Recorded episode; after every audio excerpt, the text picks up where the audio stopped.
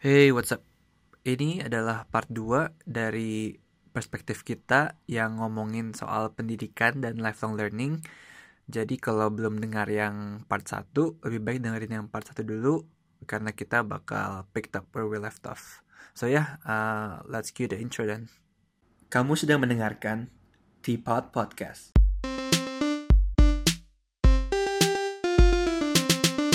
Nah, tadi ngomongin assessment, baru-baru ini, tadi kita udah sempat ngobrol dikit juga sih Ya. soal ujian nasional. Mm-mm. Kan ujian nasional kan dihilangin nih baru-baru ini.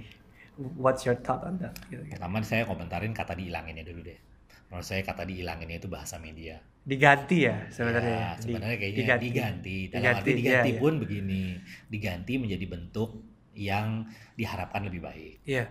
Apa yang terjadi dengan ujian nasional sekarang? Ujian nasional sekarang ada beberapa pelajaran, ada soal, dibikin, keluar satu nilai, udah selesai. Yes. Kita nggak tahu dalam satu ujian itu soal yang kayak apa yang bikin anaknya jeblok, soal kayak apa yang anaknya bagus, apa itu semuanya apa enggak. Ini cuma silabus-silabusnya doang gitu ya. Kalau nggak salah ya. Silabus, ya silabusnya ada, tapi bahkan ketika nilai keluar 87. Oh nggak tahu bahkan nggak tahu mana yang di Standar gitu mana ya. ini sudah terpenuhi berapa kita kan nggak tahu, tidak keluar itunya. Iya, iya, iya. Itu nah rasanya itu nomor satu yang mau dibenerin. Jadi mau ketahuan, ini ada ujian, gitu. ujian eh, ujian bahasa ya. Iya. Oh ternyata level vocabulary kosakata dia levelnya eh, dia lebih baik dari 90% siswa yang lain.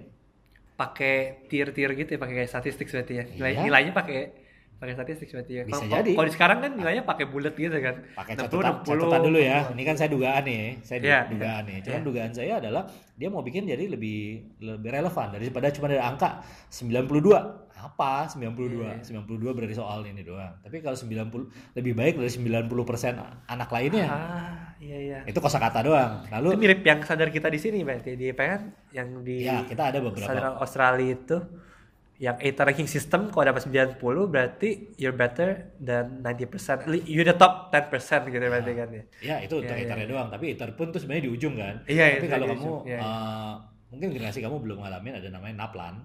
Naplan Apa- apa tes. tuh naplan? eh, di mana ya tesnya seperti itulah kira-kira. Jadi dia see. dia dibagi ini eh, ada tugas bikin kalimat, bikin kalimat nanti jadi ketahuan nilainya kemampuan dibikin kalimat lebih baik dari berapa orang. Jadi di breakdown. Bahasa kan gak cuma sekedar Iya bahasa. sih. Iya iya. ada iya. kosakata, ada kemampuan gramatikal, Presentasi juga mungkin. termasuk presentasi termasuk Iya, kan iya. dia mempraktekkan Verbal. kemampuan berbahasanya Iya iya Iya. iya iya iya. itu yang nggak ada kan di ujian nasional kita sekarang dan rasanya itu arah yang yang ini baru dugaan saya ya kafeat dugaan saya Iya iya. bahwa itu yang mau dibenerin moga-moga bisa terjadi Iya, iya. gitu jadi bukan cuma sekedar eh, Jebret udah nilai ada angka jebret nilai Eh, ilmu sos IPS nilainya sekian IPS yang mana IPS kan banyak gitu IPA sekian IPA yang mana bahkan sekarang eh, nilainya aja nggak apa ya semua benar-benar dari istilahnya dari IPA udah dari eh, fisika kimia biologi digabungin lagi jadi satu gitu. Oh iya benar benar. kira-kira begitu Iya. Ya mungkin kalau di background gitu jadi pas mau cari kerja pun lebih lebih useful buat employernya juga ya. iya kan Misalnya dia pengen jadi penulis di sebuah percetakan buku gitu misalnya. Ya. Tapi pas dia sekolah nulisnya tuh bagus banget. Mhm. Tapi presentasinya jeblok gitu. Ya. Kan jadi nilainya jelek kan. Jadi Ya. rata-ratanya kan paling ya sangat mediocre gitu Ya. jadinya. Padahal dia jago menulis gitu. Mhm. Tapi kalau misalnya dibagi dua kan jadi bosnya ini bisa lihat. Jadi oh dia nulisnya jago banget cuma dia lemah di presentasi gitu. Jadi dia po- diposisiin yang lebih banyak menulis gitu kan. Ya kira-kira kira-kira seperti itu ya. iya, Walaupun baik. sekarang bahkan Belum presentasi aja belum nggak presentasi aja belum dinilai sekarang kan. Oh iya, oh belum ya sekarang Belum, ya? sekarang kan oh, UN benar-benar Oh semua iya, tuh UN ya tulisan. benar benar benar benar benar. Iya, Semua tulisan. Tapi anggaplah malah kebalikan ya. Saya agak, agak agak just ya. Sebenarnya dia presentasi bagus sekali. Iya, Tapi iya. kan bahkan juga diukur di UN karena UN tuh hanya bikin semuanya Benar. teks ya. Jadi eh, walaupun dia bisa berbahasa, jago presentasi, tapi di ujian nggak kelihatan. Iya iya iya. ya atau eh, perlunya ini perlunya apa namanya perlu eh, toko perlu pen- penjaga kasir yang pokoknya bisa kali bagi tambah kurang operasi dasar matematik dia beres Iya. nggak perlu jago aljabar nggak perlu advance math gitu kan selama nilai operasi dasarnya bagus banget Iya. ya udah itu cukup bisa lah. Cukup udah cukup buat qualified lah buat kerja itu maksudnya iya betul Iya. menarik banget jadi lebih spesifik nah itu yang ya moga-moga itu masih bisa ya Iya. bisa di bisa dibenerin dan ya ini harapan saya agak besar bahwa eh, menteri yang sekarang ini terbiasa bekerja dengan data dalam jumlah besar Hmm. membuat keputusan berdasarkan eh, data yang dikumpulkan live gitu ya moga-moga dia bisa ketemu caranya. Nah. Set, ya. menarik. Sebenarnya tadi emang saya pengen terus ke sana kita pengen maju ke politik sedikit. Kan Nadiem Makarim CEO Gojek jadi uh, Menteri Pendidikan dan Kebudayaan ya Ya. di Indonesia sekarang. Pendapat Sir berarti apakah Sir hopeful atau skeptis tapi hopeful? Atau pe- pede banget dia pasti bisa nyelesain ini dengan baik atau gimana kira-kira hopeful dengan beberapa catatan kaki. Oh. hopeful karena nomor satu eh, dia generasi muda. Hmm. penting banget generasi muda. Ya tapi kalau yang profesor-profesor aja nggak bisa bikin ya ini kalau saya bermain kata sedikit gitu ya. Ya buat saya ya justru bukannya itu yang harus dipikirkan ada pepatah yang bilang kan bahwa kalau kita mengulang cara yang sama berkali-kali dan berharapkan outcome-nya berbeda berarti ada yang salah gitu benar benar benar Kata- kayaknya kata-kata aslinya lebih kasar dari itu ya Oke. tapi juga dia idea Iya, Nah, iya. jadi harus ada yang berubah dong benar benar jadi harus ada yang berubah. Jadi datanglah ke eh, orang yang lebih muda. Ini bukan sekedar orang muda loh. Ini orang muda dengan pendidikan yang baik, dengan latar belakang pendidikan yang baik, dan dia punya pengalaman melakukan sesuatu yang orang mungkin groundbreaking lah ya groundbreaking. Dia bukan cuma bikin. Eh, jangan lihat Gojek sebagai perusahaan. Gojek merubah kebudayaan. Benar-benar merubah. Dia masuk sangat dari disruptif ya bahasa sangat bahasa sekarangnya itu di, eh, Oh iya, bahasa ya sekarang disruptif banget. Masuknya pintunya adalah ojek, tapi sekarang Hmm. segala-galanya bisa dilakukan dari apps. benar-benar Merubah. Sekarang berapa banyak restoran yang tidak punya meja sama sekali? Karena hanya ngandelin dari GoFood. Benar-benar Ya. Itu sesuatu yang penting buat jadi pertimbangan bahwa beliau ini mampu menggeser hmm, kebudayaan budaya masyarakat, kebiasaan-kebiasaan masyarakat dan sudah terbukti. iya iya Bukan cuma terbukti karena dia bekerja untuk perusahaan, terukur. oh iya iya Ya. Tapi, tapi berdasarkan pengalaman saya lihat eh, pendidikan dunia pendidikan Indonesia, ya Indonesia ini gede loh. Jadi kan nggak mungkin kan kerja sendirian. banget iya Jadi harus dibantu oleh birokrasinya, oleh birokratnya. Hmm. Masalahnya birokratnya siap nggak? nah Nanti bosnya lari di depan sendirian, eh, di belakangnya terengah saya mikir gitu juga sih saya pas saya dengar na- na- na- apa Nadiem Makarim Makarim jadi uh, jadi menteri pendidikan terus Pak Ubis Utama jadi menteri menteri apa dia? Menteri pariwisata ya, Ya. pariwisata dan ekonomi kreatif ya sekarang ya. Itu kan semua orang seneng tuh oh ya mereka jago di bidangnya gitu kan. Tapi menurut saya itu sedikit dari saya mikirnya menteri itu jabatan politik. Beda banget sama jabatan perusahaan gitu. Dia bisa, bisa sukses di perusahaan tapi politik itu kan caranya nge- ngelobi gimana cara ngeyakinin orang-orang bawahan yang aneh-aneh ini mungkin. Ayo ini kita kerja harus begini gitu. Ya. misalnya kalau di perusahaan kan lu lu digaji gede abis itu dikasih vision mission mungkin semua orang emang oh ya niat nih. Semua kan di di interview segala gitu kan.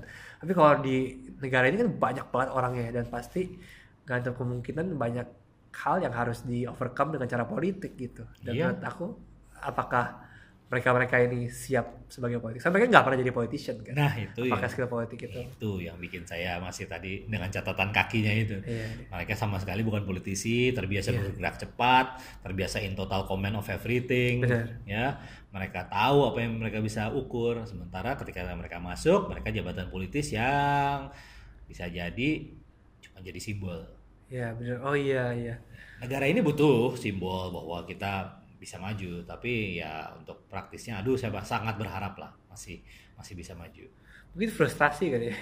Kalau kan jadi birokrasi kan lambat sekali, apalagi di demokrasi kan butuh persetujuan apa Ya, dan lain betul. sebagainya pasti lambat banget. Biasanya biasanya kalau di company, oke jalan ini deploy deploy, langsung di deploy ini kayak masih lama banget Ya. gitu ya. Apakah mungkin misalnya sebenarnya menterinya tuh ya udah orang politik aja tapi mereka ini dimasukin ke dalam satu organisasi yang emang bisa langsung mendeploy semua hal itu apakah bukan lebih baik seperti itu Nah, itu pernyataan. Saya nggak tahu dengan yang itu. Yang saya tahu begini. Ah, Pak Nadiem ini punya teman-teman di lingkungan pendidikan. Hmm. Dan bagian yang terjadi di under the radar, di bawah radar, adalah teman-temannya ini jadi kayak punya harapan baru. Oh. Bahwa ada orang yang setuju dan mendukung ide mereka berada di garda depan. Teman-teman penggerak pendidikan ini uh, wow punya banyak cita-citanya dan mereka bahkan dari sebelum dari menteri-menteri sebelumnya sudah berusaha memberdayakan guru di berbagai tempat.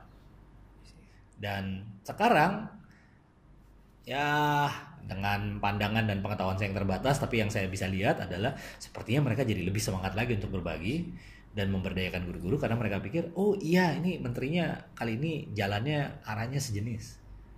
Jadi jadiin kayak simbol kayak tadi sudah tadi jadi simbol gitu ya Ju- justru pentingnya orang-orang ini jadi simbol supaya menggerakkan orang-orang yang Supaya orang-orang yang yang akhirnya bisa membuat perubahan itu ya akhirnya bergerak membuat perubahan gitu Iya, ya betul. Karena ada banyak orang yang eh, sebenarnya banyak guru yang mau berubah tuh banyak. iya iya Eh, saya ada kesempatan melatih ke sini situ udah berapa kali ketemu guru-guru yang mau. Tapi mereka mentok karena lihat ya, Bapak lihat sendiri lah di ujungnya gimana dia. Nah, sekarang kalau ujungnya udah berbeda kan ada cahaya baru. ada ada secerca harapan. Nah, dan saya nggak bisa menekankan lebih lebih dalam lagi tentang pentingnya arti harapan. asik. Bener banget. Hope is all we have ya Iya. Penting banget. Apalagi kita Indonesia yang kadang-kadang mudah banget uh, ngelihat sesuatu yang gelap. Skeptis. Skeptis skeptis skeptis atas Iya, nama iya. critical thinking lalu skeptis. Lalu Jadi skeptis itu penting di awal-awal tapi tidak mengesampingkan harapan itu sendiri. oh iya iya Berarti. skeptisisme yang sehat selalu perlu Iya, iya. ya skeptisisme yang sehat jadi ya selalu kita siapin dulu Hmm. tapi jangan sibuk di bersiap-siapnya doang Bersia- Iya benar-benar. Gitu. Iya. Nah, tadi kita udah ngomongin soal harapan dari guru-guru ini dan lain sebagainya. Tapi Indonesia kan tadi Sir bilang besar banget. Apakah Sir lihat guru-guru ini sanggup buat melakukan perubahan itu semuanya? Bahkan di dalam pedalaman pedalaman gitu. Bahkan sekarang kan kita lihat kalau sekolah-sekolahnya belum merata standarnya gitu kan. Jadi, Challenge apa aja Bang? itu itu salah satu pola pikir yang mas sekolah-sekolah yang belum standar uh, kualitasnya Iya. Eh, itu sesuatu yang saya pikir perlu di- dilihat dengan catatan kaki besar ya. Hmm. Apa perlu kita punya standarnya sama? Itu penting loh. Apa apa betul so- yang saudara-saudara kita di Papua butuhkan sama dengan yang dibutuhkan di Nusa Tenggara, sama dengan yang dibutuhkan di Kalimantan, sama dengan yang dibutuhkan di Jawa?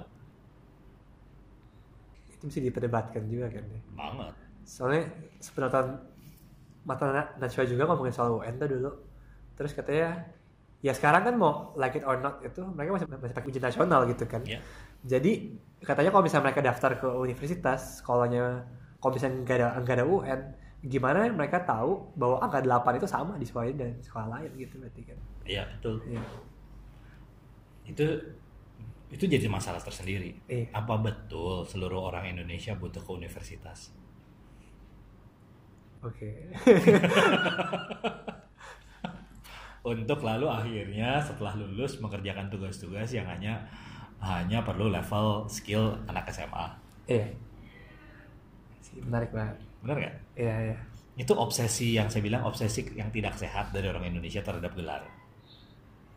Ya saya lupa citasinya lah ya, tapi ada yang bukan sudah ngomong tentang itu udah jadi kayak ah, gelar bangsawan baru kan? Iya. universitas gitu ya S1. S1 iya iya S2. Wah. Tapi Justru bahkan sekarang sangat banyak or- orang S1 bisa sama aja kayak orang SMA sebenarnya. Iya, J- Kayak kayak orang SMA zaman dulu gitu berarti Iya. kan. betul. Rasanya ini sesuatu yang menarik ya. Eh, Oke, standar hidup memang berbeda ya, tapi coba orang Indonesia ngedengar ada misalnya teman-teman dari dunia yang sedikit demi kemudahan kita sebutlah dari barat. Lalu mereka ah saya mau cum- mau ini aja lah jadi pemadam kebakaran aja. Hmm. Oh enggak saya mau kerja di toko aja. Saya nggak bakal ini. Orang Indonesia cenderung hmm, standarnya segitu doang dia kurang tinggi kurang ceritanya tinggi. gitu. Oke, gi- given bahwa gaji, standar gaji mereka beda dengan kita, course. jadi mereka bisa hidup sejahtera. Tapi kan memang masyarakat butuh. Kan nggak mungkin semua orang jadi bos. Iya, iya. Kita memang butuh berbagai jenjang. Indonesia semua maunya jadi bos, jadi S1. Lalu yang mau kerja di bawah siapa? Sekarang jadi orang yang yang S1 itu juga jadi bawah. Ya, akhirnya mau nggak mau gitu kan. Betul kan? Jadi akhirnya yang S2 jadi bos, yang S1 jadi karyawan. Ya, akhirnya inflasi kan. Nah, iya, iya. Akhirnya Iya, nilai benar. S1-nya jadi makin berkurang dan makin berkurang untuk sesuatu yang ya kerjanya uh, um, apa ya? Ya pokoknya butuhnya levelnya itu aja gitu. Apa artinya jelek ya? Enggak. Ya cuman itu PR besar, itu bukan sesuatu yang mudah karena tentu terkait dengan biaya hidup minimum, gaji minimum dan sebagainya yang panjang ceritanya. Iya. Tapi kenyataan sosialnya adalah nggak mungkin semua orang jadi bos. Pasti butuh orang Kerja yang juga. kerja di bawah. Ada yang perlu kerja di atas dan yang kerja di level yang biasa-biasa aja dan di bawah itu pasti lebih banyak dari yang di bos. Itu dalam keadaan apa pun pasti begitu. Iya. Mau sama rata sama rasa? Yakin. Iya, iya. Kan enggak kan? Oh, berarti secara pikir tuh kalau mau pemerataan itu tuh nggak usah diperdebatin lagi lah. Ber- ber- Berarti sebenarnya itu nggak gitu penting pem- pem- pemerataan itu berarti ya. Bukan rasa. Saya menurut saya yang saya yakini eh, pemerataan sejati nggak bakal pernah terjadi. Oh, Sesederhana pasti ada. justru pasti nggak bakal terjadi. Iya, Justru pasti kita ada. harus melihat hal yang lebih substansif lagi berarti gitu. Ya, pasti Selain ada, pasti ada yang ya. jadi bos dan enggak itu simpelnya Iya, ya. iya, iya. Dan yang eh, yang nggak jadi bos ini ya mungkin pokoknya selama dia sangat kuat di ilmu dasarnya ya belum tentu perlu masuk universitas. Iya, iya, iya. Pokoknya dia kerja praktek bisa. Iya, iya. Eh, anak SMA gini deh, matematik SMA tuh udah udah bisa untuk banyak hal banget kok. Hmm. Iya kan? Eh, mungkin cuma paling perlu ditambahin satu dua ilmu khusus gitu ya untuk Sebenarnya kalau di universitas pun mereka banyak menekankan self learning ya. Iya. Konsep learning berarti kan berarti kan kita dipercaya dari SMA itu sudah bisa belajar sendiri. teorinya. Nggak langsung bener nggak? Teorinya. Tapi itulah di SMA di K12 jadi di pendidikan dasar sampai dengan SMA kita gitu ya. Itu walaupun teorinya bisa belajar mandiri, kenyataannya masih banyak yang gayanya dicekokin. Kenapa dicekokin? Karena memastikan bahwa ilmu yang dibutuhkan masuk. Kenapa ilmu yang dibutuhkan masuk? Karena ujungnya standarnya cuma bermuara di UN. Kalau UN cuma jadi checkpoint doang gitu ya dan bisa dipastikan bahwa itu cuma checkpoint, ya sudah, lain cerita. Oh, yang cek wine doang itu berarti nggak masalah lah ya kalau Nggak gitu. masalah. Argumen yang paling sering terjadi adalah, ya memang sekarang bukan penentu kelulusan. Yes, yes. Oh iya bukan. Tapi tapi penentu ma- masuk universitas tapi. Uh, universitas sekarang juga ada tesnya sendiri. Ah, tesnya sendiri juga semuanya. Oh, yang SBMPTN itu ya? Ya, itu itu juga kan lebih aneh lagi. Kalau universitas sudah punya tesnya sendiri, ngapain? ngapain pakai UN? Benar juga ya. Ya? Iya ya. Dia udah punya tes sendiri kok. Iya. Swasta, universitas swasta punya tesnya sendiri. Kalau misalnya merasa oh yang di sana belum sanggup pas dia ikut tes itu nggak mungkin lulus berarti ya? Iya. Berarti, iya, iya. Perlu susah kan? Malah bisa menghemat biaya sebenarnya. Iya. Bisa bikin infrastruktur baru. Banyak banyak yang bisa cuman memang sudah ter sudah susah gitu ya UN tuh sudah ter segitu terstruktur Iya. Ter terintegrasi ke dalam struktur pendidikan kita sampai seakan-akan segala-galanya harus bermuara ke situ Justru kalau mau dibuang tuh rasanya berat gitu jadinya oh, ya. berat karena udah kebiasaan Iya, padahal kalau mau menyelesaikan suatu masalah yang besar ya potong aja dia mau nggak mau gitu kan. ya itulah kan Rasanya. katanya aduh simpul ini siapa tuh katanya eh, Alexander Angagung mau masuk sebuah kota lalu dia ketemu eh, simpul yang katanya nubuatnya siapa pun yang bisa menguraikan simpul ini dia akan menguasai Asia Alexander Agung cuma lihat dia ambil pedang dia tebas simpul itu lalu orang bilang curang tapi Nggak, ada aturan gitu. nggak ada aturan kan dan bener kan dia salah satu penguasa terbesar Asia Oh, iya iya iya. Jadi memang butuh perubahan besar-besaran ini ya berarti. ya, ah ya saya rasa ya.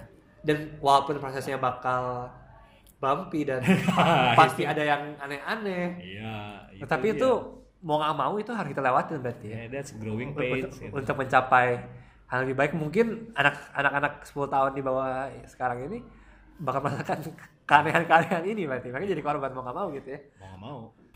Ya singkatnya ya UN di harus diubah drastis atau bahkan disingkirkan. Iya, iya. Tapi saya juga ngerti ada faktor keterbiasaan, ada juga faktor ya lalu gimana cara mengukur yang subjektif.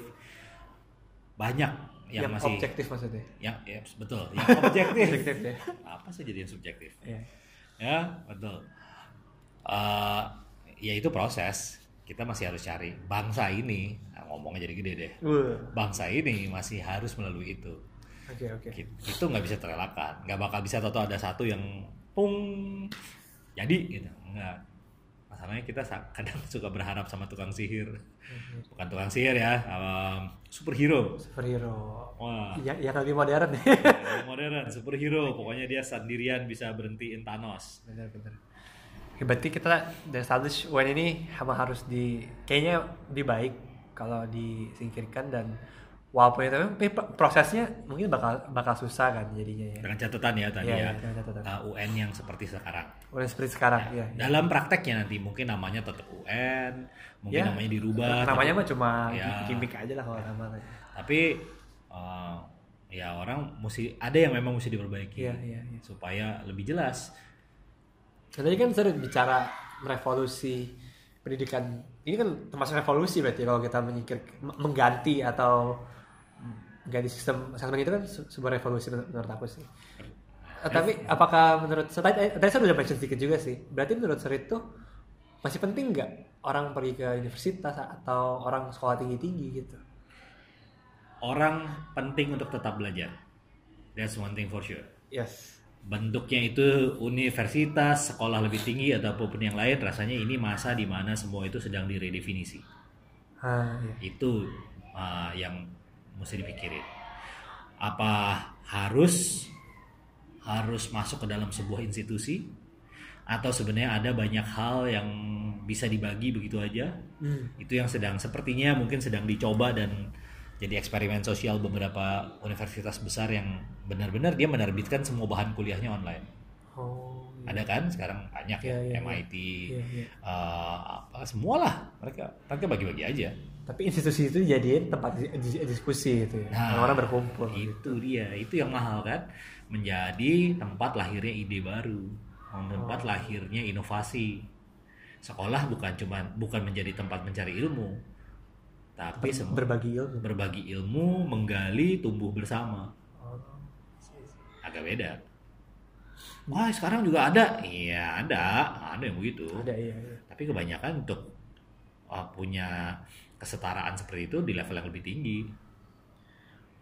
Ber- berarti mereka bakal bakal bakal tetap relevan lah ya sebagai cuma mereka akan berevolusi dalam formatnya tapi universitas itu dan degree itu tetap masih relevan berarti di masa depan.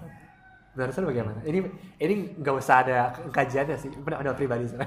Kira-kira gimana ke depannya gitu? Ya, apakah degree itu bakal jadi relevan apa? Oh ya gue dari Universitas Indonesia gitu atau atau MIT. Yang saya yakin cuman ilmu pengetahuannya yang relevan. Degree-nya mungkin berubah. Mungkin masa depan lebih penuh dengan orang-orang yang punya portfolio. Hasil kerjanya lebih penting daripada sekedar gelarnya. Idealnya tentu punya gelar dalam arti sudah menyelesai- menyelesaikan uh, dasar ya, sudah mengerti dasar pengetahuan tertentu dan punya portfolio idealnya. Ah, iya iya. Jadi emang punya gelar dan dalam prosesnya belajar banyak gitu ya maksudnya. Tapi rasanya kalau kita lihat di masyarakat yang sering yang terjadi malah jadinya sebaliknya. Kalau kasar masyarakat mesti memilih, mereka lebih pilih portfolio daripada gelar doang. Oh. Oh ini ini orang eh, ini nih ini orang eh, Sekarang ya maksudnya. S2 marketing gitu dari UI gitu Ah. ya. Nah, dibanding dengan wah, dia tuh sebenarnya sarjana perminyakan. Tapi lu tau promosi susu bayi terbaru itu itu yang merancang dia tuh. Dia mah sebenarnya perminyakan. Wah, iya. Ngerti nggak? Iya, iya, Portfolio iya. lebih kuat. Per saat ini saya pikir saya prefer uh, portfolio sebenarnya. Portfolio ya. Kar- Karena orang bisa dapat degree tapi belum tentu dia belajar banyak di sana. Iya. Ini dalam konteks terutama Indonesia ya. Ya, ya. Dalam konteks Indonesia. Iya, Ya, mungkin di tempat lain nggak nggak juga. Mungkin mereka lebih sudah lebih sukses. Iya, iya. Masalahnya memang nanti dengan portfolio yang susah adalah penyaringnya, yang nyaring ini yang mesti Ah, iya, soalnya banyak banget kan aplikasi Iya, pasti kalau betul. itu.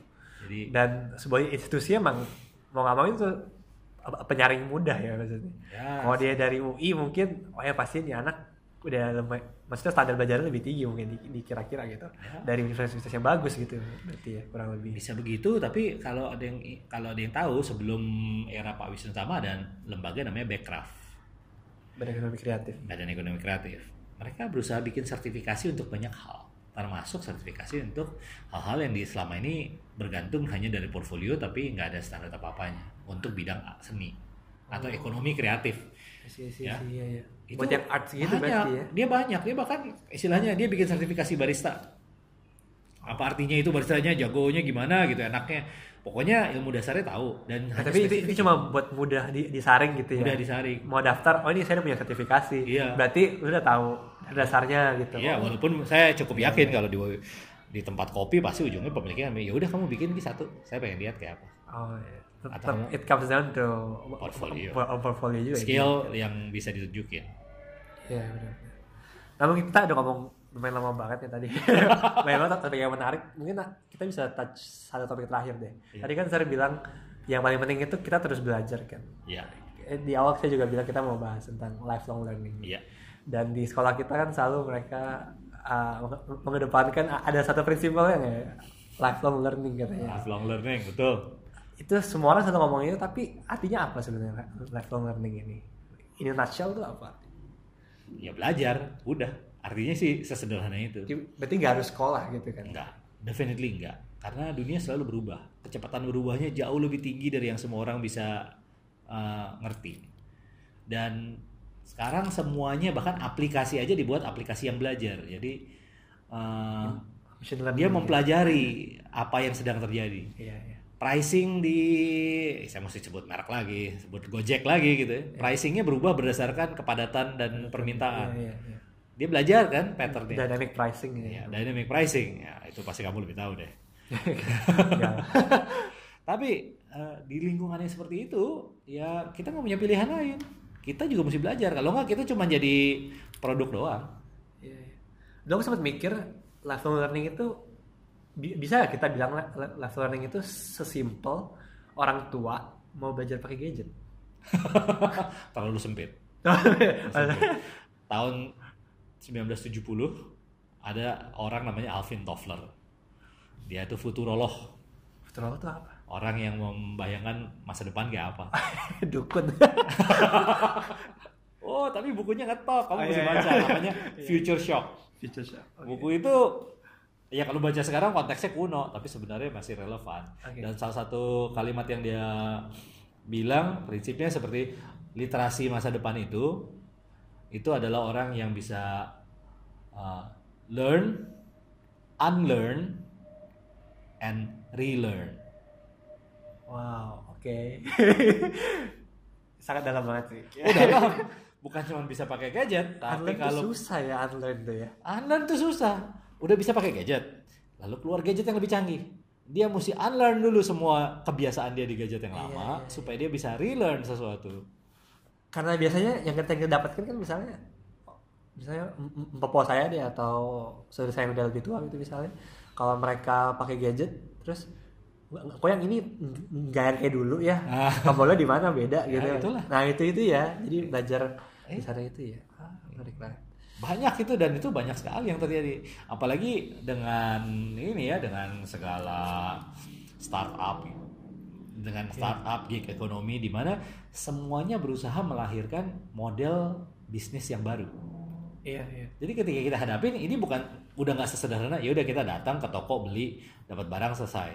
Be- buka apps dapat jasa tutup selesai. Enggak kadang-kadang ada sesuatu yang lain adalah uh, web apps diskon. yang untuk bisa kita download sesuatu kita mesti upload dulu sesuatu bukan bayar Hmm. nggak ada nggak ada opsi langganan adanya opsinya kita mesti upload sesuatu dulu sharing ekonomi gitu ya ya itu kan sesuatu yang "Hah, kok gini sih gitu iya iya iya banget sih Dan- nah kalau ser punya tips nih Aha. gimana cara kita bisa selalu mengapply level learning ini nih? Kan biasanya orang kalau udah kerja apalagi sih mereka udah tenggelam dalam pekerjaannya terus mungkin mereka mikir ya mau belajar apa lagi udah tua juga gitu kira-kira kira-kira gimana cara kita bisa cari passion buat belajar lagi dan cari cari beberapa topik lagi yang pengen kita pelajarin gitu topik selalu banyak topiknya nggak perlu dicari yang butuh memang sikap mental hmm. buat selalu uh, jangan cepat puas diri bahwa udah kita udah sampai di uh, pinnacle of our learning gitu. Waktu udah bahwa kita udah tahu lah semuanya. Enggak, selalu yang baru. Memang butuh uh, apa humility buat selalu mereview diri tentang di mana posisi kita sekarang. Uh, apalagi generasi saya ini dosa generasi saya kita sering banget lupa kita udah tua atau udah tuaan udah tuaan nah, Tuaan. saya, saya baru saya baru 27 baru 27 Dua, dua tujuh. Dari lima tahun doang kita beda lima tahun. Just kidding. Ah, tapi uh, ngajarnya adalah- dari, dari umur tujuh ya. Udah puluh tahun. Tujuh udah ngajar. Genius. genius. ah, bohongnya ketahuan. Eh, sorry, sorry. Anyway, Jadi kepotong. eh, ya, tapi beneran itu ini bener, kalau soal lupa merasa tua itu beneran. Jadi lu begini pemikirannya. Banyak yang merasa bahwa karena eh, satu generasi kita kan udah mempelajari sesuatu, lalu eh, kita udah ngerti banget masa kini, sedangkan dunianya terus berubah. Saya cukup serius tentang masalah uh, lupa umur dan lupa sudah menjadi tua. Karena begini, ketika sebuah generasi mempelajari sebuah teknologi tertentu, Hmm. lalu mereka pikir mereka menguasai itu, mereka pikir mereka udah selesai. Iya. Sedangkan dunianya terus berubah. Hmm. Ketika dunianya terus berubah, lama-lama mereka yang jadi kuno. Tapi mereka nggak sadar mereka udah kuno. Mereka biasanya udah, udah belajar teknologi yang masa itu. Iya, masa itu. Jadilah mereka uh, mengukur dirinya, mengukur dirinya hanya dengan yang mereka pelajari itu. Si, si. Itu penting. Kenapa? Karena itu nanti berkaitan dengan paradigm shift-nya. Mereka pikir mereka udah ngerti semua, padahal model ekonominya sudah berubah. Nanti generasi anak-anak yang sekarang, yang Gen Y, mereka, oh kami kan udah yang paling modern, kami sebutlah ini asal sebut aja kami generasi ekonomi TikTok saya nggak tahu gimana cara TikTok. saya nggak nggak ngerti gimana cara uh, bikin itu jadi monetize it tapi Yes, yes. rasanya bisa lah ya tapi anggap kayak- bisa sih, ya, kayak pasti bisa, bisa. ya Uh, tapi pada masanya mereka kan jadi tua kan Iya, iya, iya. dan akan ada lagi satu apps yang baru Iya, iya. dan mereka mesti siap tuh kalau nggak ya udah berulang aja terus bahwa oh masa lalu yang indah dan bahagia Sama dilemanya katanya eh, zaman sekarang tuh YouTuber Mhm. maunya dibilang content creator. Mhm. Katanya kan YouTube itu kita nggak tahu sampai kapan. Bisa jadi mereka mati tiba-tiba gitu. Tapi karena mereka disebutnya content creator, berarti mereka bisa membuat konten di berbagai platform gitu ya. Iya, Belajar platform idealnya. baru dan bagaimana cara mereka Ya. manfaatkan itu ya. dan ya itu karena kadang-kadang pengetahuannya segitu aja mereka cuma mengandalkan shock factor Iya. Jadilah yang makanya sekarang se- konten kreator tidak punya etika lalu mereka bikin video berdasarkan bikin orang kerasa kecewa bikin prank uh, untuk ojek online Yang penting viral. yang penting viral udah hilang etikanya itu karena nggak ngerti sebenarnya mereka udah udah di era yang berbeda Benar, benar, benar. gitu Iya, iya. padahal kalau mereka mau bercermin mau unlearn tentang YouTube konsep YouTube mereka berapa banyak orang yang punya channel spesifik khusus yang ya jalan tuh Iya, iya. jangan cuma itu itu aja jangan cuma kosmetik aja atau mesin aja ya buat generasi saya ya saya nggak kebayang loh bahwa orang buka paket aja bisa jadi video Bisa kaya lagi. Kaya, bukan bukan paket doang. bukan jadi video doang, bisa video kaya. video unboxing Bisa kaya. ya, bisa kaya Iya, nah iya. itu pada masanya itu akan juga jadi kuno kan Iya, benar benar benar. dan orang mesti siap tuh mesti cukup humble terima cukup tahu bahwa mereka sudah di, udah lewat udah tua mesti cak unlearn dulu itu tips and tricks mereka di masa lalu baru relearn untuk apa pun gelombang berikutnya Iya, iya. Berarti kalau aku bisa narik benang merah dari semua ini sih, you have to have, have the courage to take a step back berarti ya. oh iya Ah, Maksudnya sa- sadar ngelihat ke depan lagi, oh kita masih jauh sebenarnya. Oh, kita kadang-kadang berasa dari depan padahal masih ada yang lebih di depan lagi gitu ya. Yep, selalu akan Iya, ada di iya. depan dan kita mungkin kita sempat di depan, tapi harusnya kenceng, Iya, kita mundur dulu sedikit, bukannya karena kita lemah atau gagal, bukan karena itulah siklusnya, benar benar. which is normal-normal aja. Iya, iya. Ya, paling kita udah lama banget nih ngomong. Kira-kira Sir ada yang mau tambahin lagi dari apa yang belum saya tanya ini atau kira-kira udah mencakup semuanya gitu Enggak, saya belum ada yang bisa saya tambahin. Bisa tambahin. Ini proses unlearn saya ngomong di podcast, ngomong di podcast Eh, bukan di kelas. Nah, kapan-kapan ntar kolaborasi lagi mungkin kapan-kapan Nah, masuk ke podcast begitulah kira-kira. Iya iya iya. Ya paling segitu dulu aja. Eh, jangan lupa follow podcast kita di Spotify dan juga di Instagram underscore podcast. Dan kalau mereka mau lihat apa yang saya share, kira-kira mau promosi akun sir, Facebook atau Instagram? Apa ya? Eh, at learning cell or better yet, just browse my name, Marcellus Stanley. Wih, Yes, I can be that confident. nanti M A R C E L L O space Stanley ya seperti ya, biasa. betul. Nice. Oke, thank you banget Sir Marcelo buat ngobrol di podcast kita Sama-sama. Fer, thank you untuk kesempatannya. Kayaknya saya bisa bilang ini ko- konten paling berbobot di podcast saya so far. so ya, th- thank you buat kesempatannya dan ya see you on the next perspective. Bye. Bye.